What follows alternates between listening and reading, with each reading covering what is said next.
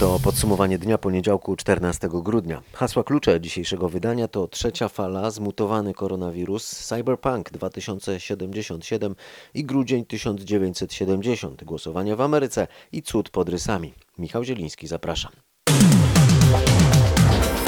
A zaczynamy tak jak zwykle od koronawirusa. Informacje ze świata i z kraju wskazują, że nie ma co liczyć na dalszą poprawę sytuacji. Dziś pojawiło się kilka informacji, które tworzą raczej obraz rosnącego zagrożenia. W Polsce szykuje się przedłużenie obostrzeń, a jak się dowiedzieliśmy nieoficjalnie, możliwe jest również zaostrzenie zasad. W Niemczech od środy mają być zamknięte sklepy. Tego samego dnia lockdown ma się zacząć w Londynie. Z kolei organizacja eksporterów ropy naftowej OPEC obniżyła prognozy zużycia tego surowca w pierwszym kwartale przyszłego roku, wskazując przy tym na możliwe nasilenie epidemii. Zacznijmy zatem od Polski. Obecny etap zakazów i nakazów miał się skończyć pod koniec grudnia, ale minister zdrowia żąda przedłużenia obostrzeń co najmniej do 17 stycznia, czyli do końca planowanych ferii. Adam Niedzielski zwraca uwagę, że liczba zakażeń nie maleje już tak szybko, jak się spodziewano, zaś spodziewana jest trzecia fala pandemii, a do tego dochodzi jeszcze sezon grypowy.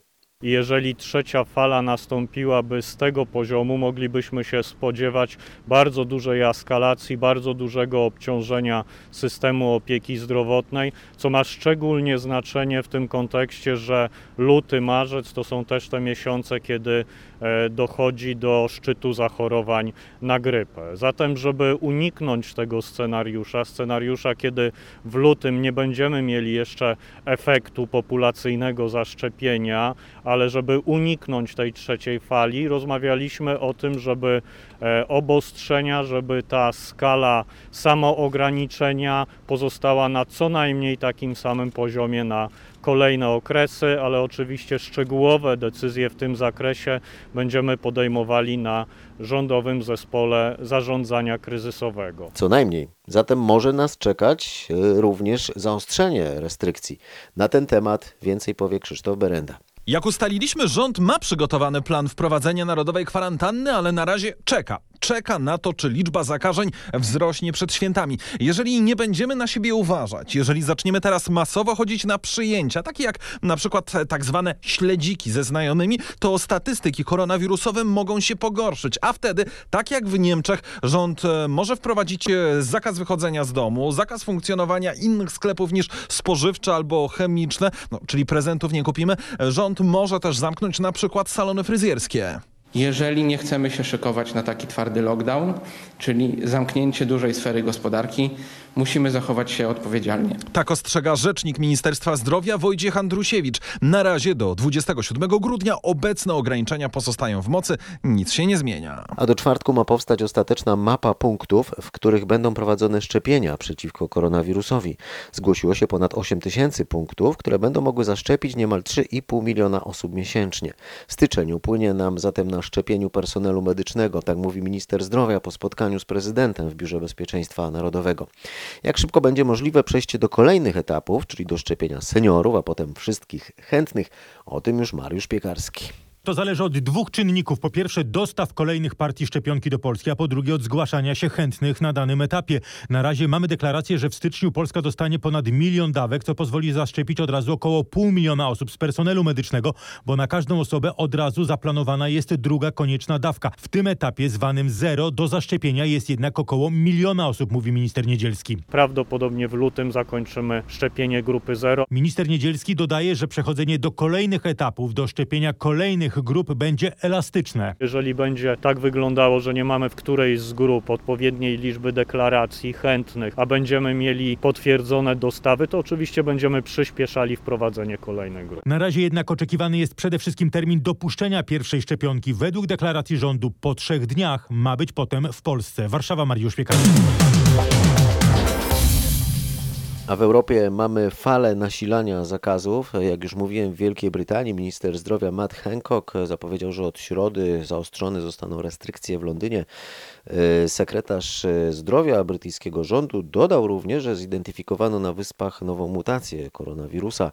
Na razie stwierdzono tysiąc takich przypadków, ale jak powiedział Matt Hancock, ta mutacja rozprzestrzenia się szybciej niż dotychczas znane rodzaje patogenu.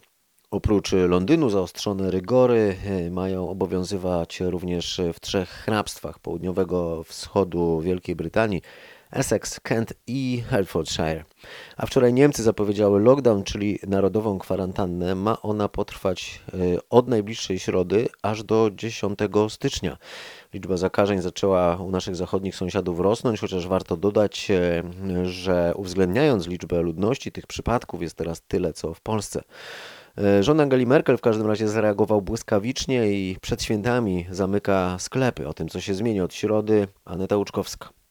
Zamknięta zostanie większość sklepów, otwarte będą tylko spożywcze, zoologiczne, apteki, drogerie i te z artykułami dla dzieci. Zamknięte zostaną salony fryzjerskie, kosmetyczne, gabinety masażu. Szkoły i przedszkola przechodzą do nauczania zdalnego, a firmy na zdalną pracę. Wprowadzono zakaz sprzedaży fajerwerków. W Sylwestra będzie zakaz odpalania pirotechniki w miejscach publicznych, a także zakaz spotkań na ulicach i placach. Święta tylko w rodzinnym gronie do pięciu osób z dwóch gospodarstw domowych. W dodatku w okręgach, gdzie liczba nowych przypadków przekracza 200 na 100 tysięcy mieszkańców, ma obowiązywać godzina policyjna i zakaz wychodzenia z domów wieczorami.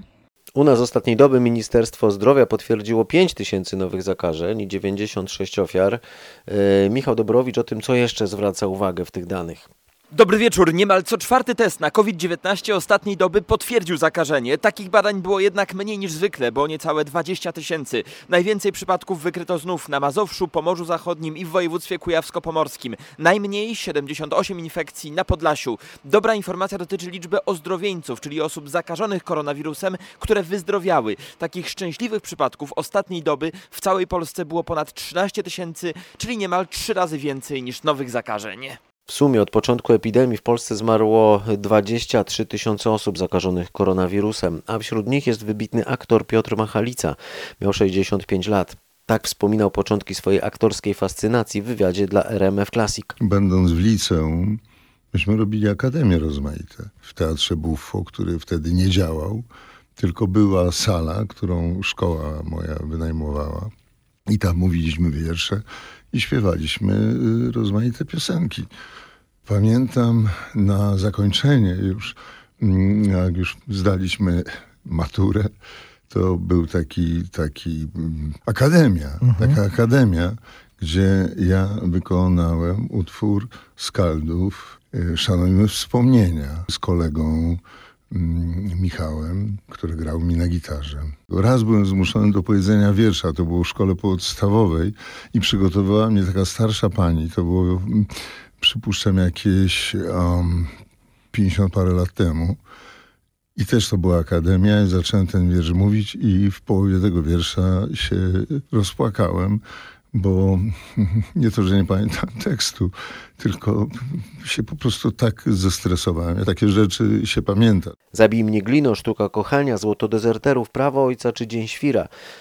E, To filmy, e, w których grał Piotr Machalica. Wywodził się z aktorskiej rodziny. Jego ojcem był Henryk Machalica, a bratem Aleksander. Aktorzy filmowi i teatralni. Piotrek wyczekał spokojnie, grając monodram na faceta, który odbył rozmowę telefoniczną na głos na widowni w Teatrze Powszechnym. Mówił głośno, a Piotruś przerwał przedstawienie, e, a on mówił, nie, jestem w teatrze. Nie wiesz, nie bardzo mogę rozmawiać, bo tu mnóstwo osób jest. Słuchaj, muszę kończyć, bo chyba się już kończy to przedstawienie, na którym jestem. I Piotrek, jak on skończył, to Piotrek powiedział, powiem panu jako machalica, że jeszcze chwilę musi pan posiedzieć do końca, bo to jeszcze nie koniec. I grał dalej, po prostu wracał, dostał ogromne brawa. Tak Piotra Machalicę wspomina Krzysztof Materna, a aktorka Grażyna Wolszczak dodaje, że był absolutnie wyjątkowym człowiekiem. W garnizonie sztuki w Warszawie e, wspólnie z nim przygotowywała sylwestrowy spektakl. Był bardzo utalentowany, zaznacza aktorka. ze swoją posturą i ze swoim głosem potwornie męski i no i taki był, ale pod spodem tkwił motylek, absolutnie. O takiej wrażliwości i takim cieple i taka e, empatia, no coś absolutnie wyjątkowego. Więcej e, wspomnień Piotra Machalicy ze sceny znajdziecie na rmf24.pl. Urząd Ochrony Konkurencji i Konsumentów nałożył 723 miliony złotych kary na portugalską firmę Jeronimo Martins, właściciela sieci sklepów Biedronka. To kara za nieuczciwe działania wobec dostawców, zwłaszcza polskich rolników, którzy dostarczali owoce i warzywa, nie wiedząc jakiego rabatu będzie ostatecznie żądać odbiorca, czyli Biedronka, bo sieć dopiero po dostawie informowała producentów, ile im zapłaci. Urząd uznał, że zgoda dostawców na takie praktyki była wymuszona, bo byli uzależnieni od Biedronki, a ta wykorzystywała fakt, że była głównym ich klientem. Yy, Odbierała innymi słowy od tych dostawców większość ich produktów. Tego typu praktyki należy uznać za skrajnie nieuczciwe, ale również nieodpowiedzialne. Niezwykle ważne jest, aby podmioty dbały o siebie nawzajem, postępowały uczciwie i wykazywały się właśnie tą daleko idącą odpowiedzialnością za swoich dostawców. Mówi szef Urzędu Ochrony Konkurencji i Konsumentów Tomasz Chrustny. Podobne kary mogą dostać za podobne praktyki również inne sieci. Zysk Biedronki w zeszłym roku przed opodatkowaniem sięgał 4 miliardów złotych. Sklepy w Polsce są głównym źródłem zysków tego portugalskiego właściciela. Trwa paniczna wyprzedaż akcji CD Projekt. Gra Cyberpunk 2077 dostaje teraz złe oceny od grających na konsolach starszych typów, a zdecydowana większość graczy nie dysponuje najnowszymi modelami. Firma obiecuje chętnym zwrot kosztów w razie masowych zwrotów i osłabienia sprzedaży. Zyski mogą być jednak przynajmniej częściowo zagrożone. Dziś CD Projekt stracił na giełdzie 8%, a przez tydzień ponad 1 trzecią wartości. W porannej rozmowie RMFFM Robert Mazurek rozmawiał z medioznawcą profesorem Jackiem Wasilewskim z Uniwersytetu Warszawskiego na temat tego wielkiego światowego przeboju polskiego przemysłu gier. Profesor przybliżył problem z grafiką nowej gry. Gra jest niezła, a cen wiadomo, że jeżeli się przygotowuje pewną grę, na którą ludzie czekają 8 lat i nagle się okazuje, że ci, którzy mają trochę starsze konsole, albo, albo to jest PlayStation 4, albo te starsze Xboxy, nie mają takiej, takiej rozdzielczości, więc po takim oczekiwaniu, takim napięciu, no to wiadomo, że, że to rozczarowanie może być trochę większe. No niż, rozczarowanie rozczarowaniem, ale jak na razie to się sprzedaje chyba bardzo dobrze. Ja słyszałem, nie wiem, czy to oczywiście prawda, że ta gra już się zwróciła, to znaczy ledwo się, z... jeszcze się nie pojawiła w sklepach, a już się zwróciła, a mówimy, proszę Państwa, o najdroższej grze komputerowej na świecie. Jeśli jest prawdą to, co twierdzą analitycy, to ona kosztowała, proszę Państwa, miliard dwieście milionów złotych. Tak mniej więcej, mniej więcej. Dwa stadiony budowane na euro w Gdańsku. Tak. To jest taka cena dużego hollywoodzkiego filmu. Przypomnijmy, że Piraci z Karaibów to było mniej więcej 400 milionów dolarów. To był to mniej więcej jest w okolicach Titanica, jeżeli by to przeliczyć na dzisiejsze pieniądze. No więc mamy bardzo wielką hollywoodzką produkcję. 500 taka, osób, masz... 500 osób pracowało nad tą grą. To wszystko nagle jawi się nam w oczach, no bo przepraszam, proszę się nie gniewać, ja jestem dziadersem, mnie wolno. Mnie się wydawało, że wie pan, tam siedzi parę osób w studiu, no może jeszcze parę innych tam od techniki, no i już, i tak to się robi. A tutaj 500 osób, pół tysiąca ludzi, miliard złotych w, w produkcję, to są potężne pieniądze, to jest potężny przemysł, prawda?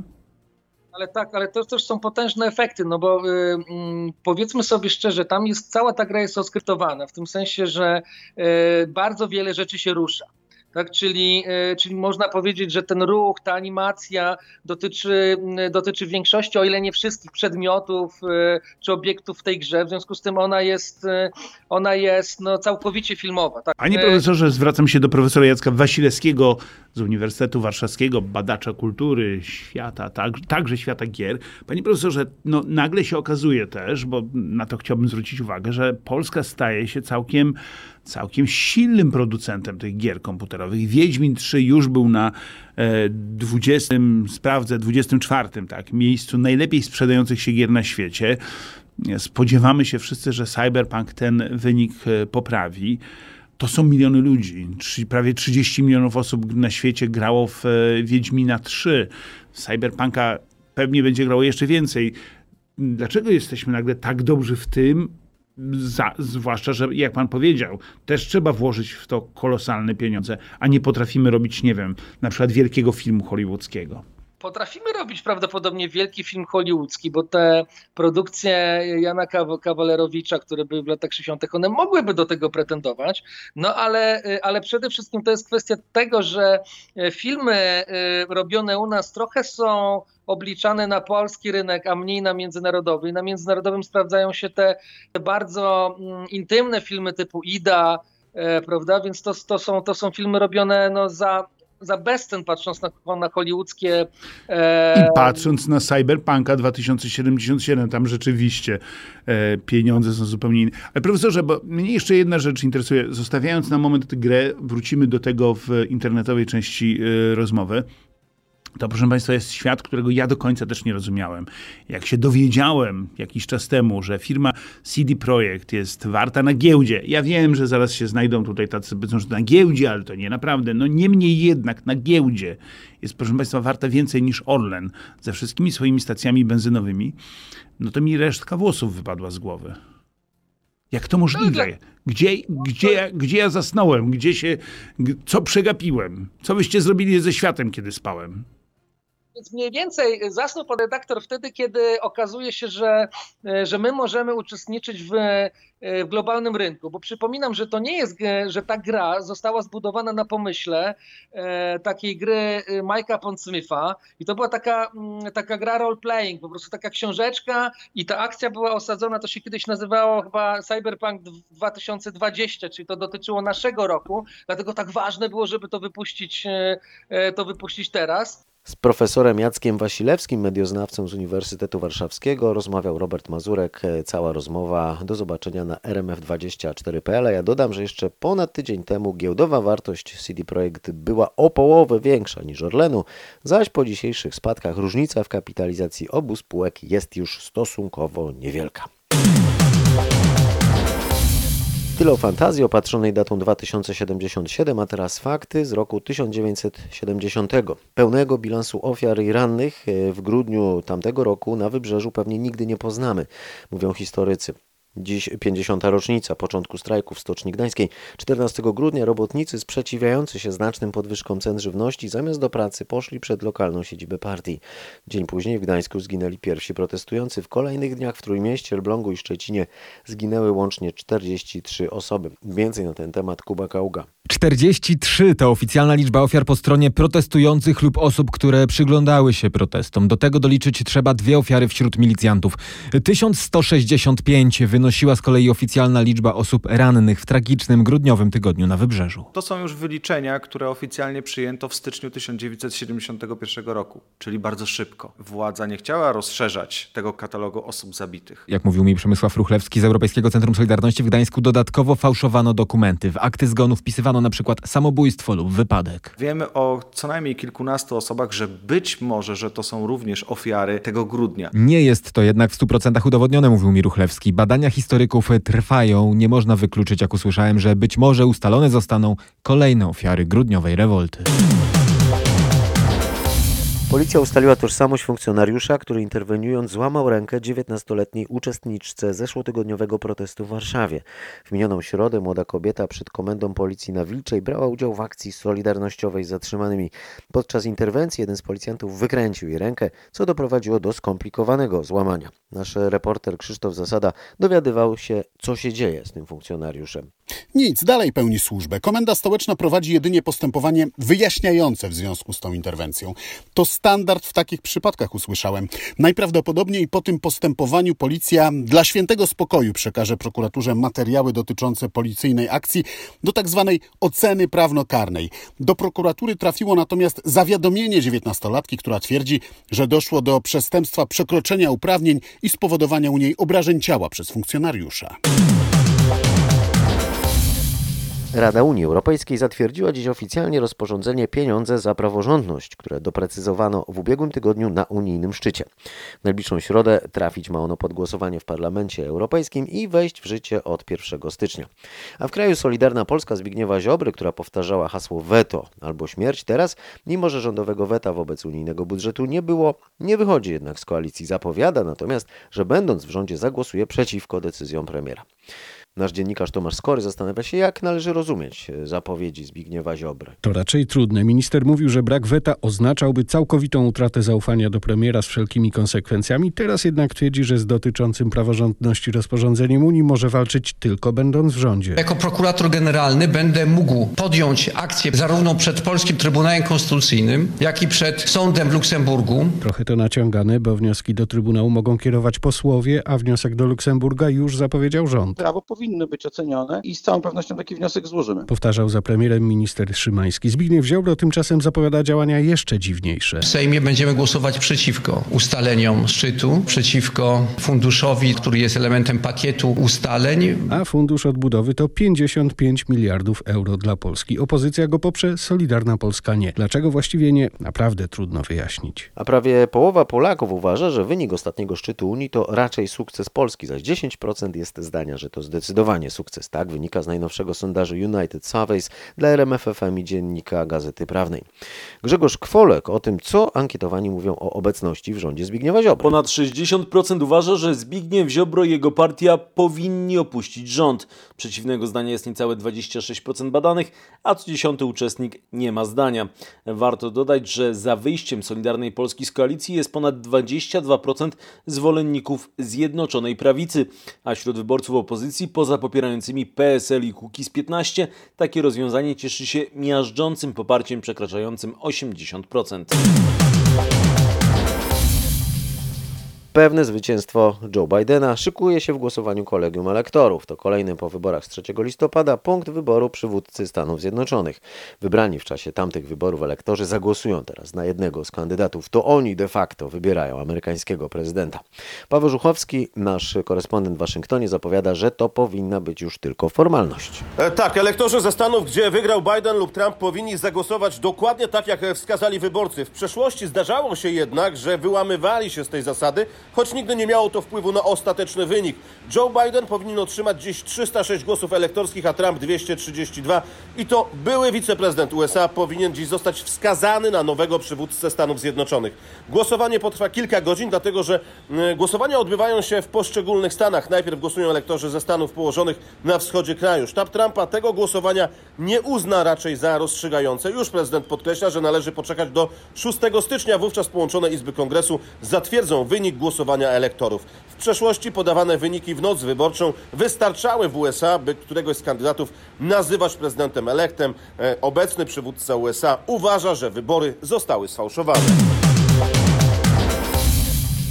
No chyba, że zdarzy się cud, a czasem się zdarzają. Według tatrzańskich ratowników miał miejsce choćby wczoraj pod Rysami. Turysta przeżył tam 400-metrowy upadek, a śmigłowiec zdążył go zabrać kilka minut przed zmrokiem. Ratownik dyżurny TOP Andrzej Maciata przestrzega, że wychodzenie w wyższe partie Tatr w obecnych warunkach to jak gra w rosyjską ruletkę. Prawdopodobieństwo y, po pierwsze wystąpienia wypadku, a po drugie wystąpienia wypadku śmiertelnego dramatycznie wzrasta właśnie w tym okresie, kiedy mamy z jednej strony do czynienia z bardzo wymagającymi, a w zasadzie powiedziałbym najtrudniejszymi warunkami. To jest takie wymieszanie najgorszych warunków zimowych z najgorszymi warunkami letnimi. Lepiej zatem trzymać się poniżej pokrytego świerkowym lasem tatrzańskiego regla górnego. A na koniec podsumowania dnia o świerkach od RMFFM. Drzewka rozdajemy w tym roku tym, którzy pracują w szpitalach covidowych w całym kraju. Zapach świerkowych gałązek czuć m.in. przed szpitalem w Bolesławcu na Dolnym Śląsku. Praktycznie od początku walczycie z koronawirusem. Tak, od marca mam nadzieję, że z dobrym efektem, że bardzo dużo istnień ludzkich uratowaliśmy. Hospitalizowaliśmy 1300 osób. Naprawdę w tym roku to jest dziwny czas, dziwne święta. Ja się śmieję, że u mnie mówią, że jestem albo jestem w pracy, albo śpię po pracy, albo śpię przed pracą. Po dwóch dobach dyżuru jest bardzo przyjemnie, takie zaskoczenie. Cieszymy się bardzo. Jesteśmy zadowolone, że ktoś w końcu o nas pomyślał. Nie musimy biegać po, po rynku i szukać choinki. Mamy na miejscu, cały personel dziękuję. Bombki są do kupić i będzie całkiem pięknie. Będą żółto-niebieskie? No na pewno się znajdą, specjalnie dla Was. Mówili dyrektor Bolesławieckiego Szpitala Kamil Barczyk i pracownicy, z którymi rozmawiał nasz reporter Paweł Pyclik. Dziś odwiedziliśmy też z drzewkami szpitale w Tychach i Kędzierzynie Koźlu. I to już wszystko w dzisiejszym podsumowaniu dnia. Zapraszamy na jutro w imieniu Tomasza Staniszewskiego.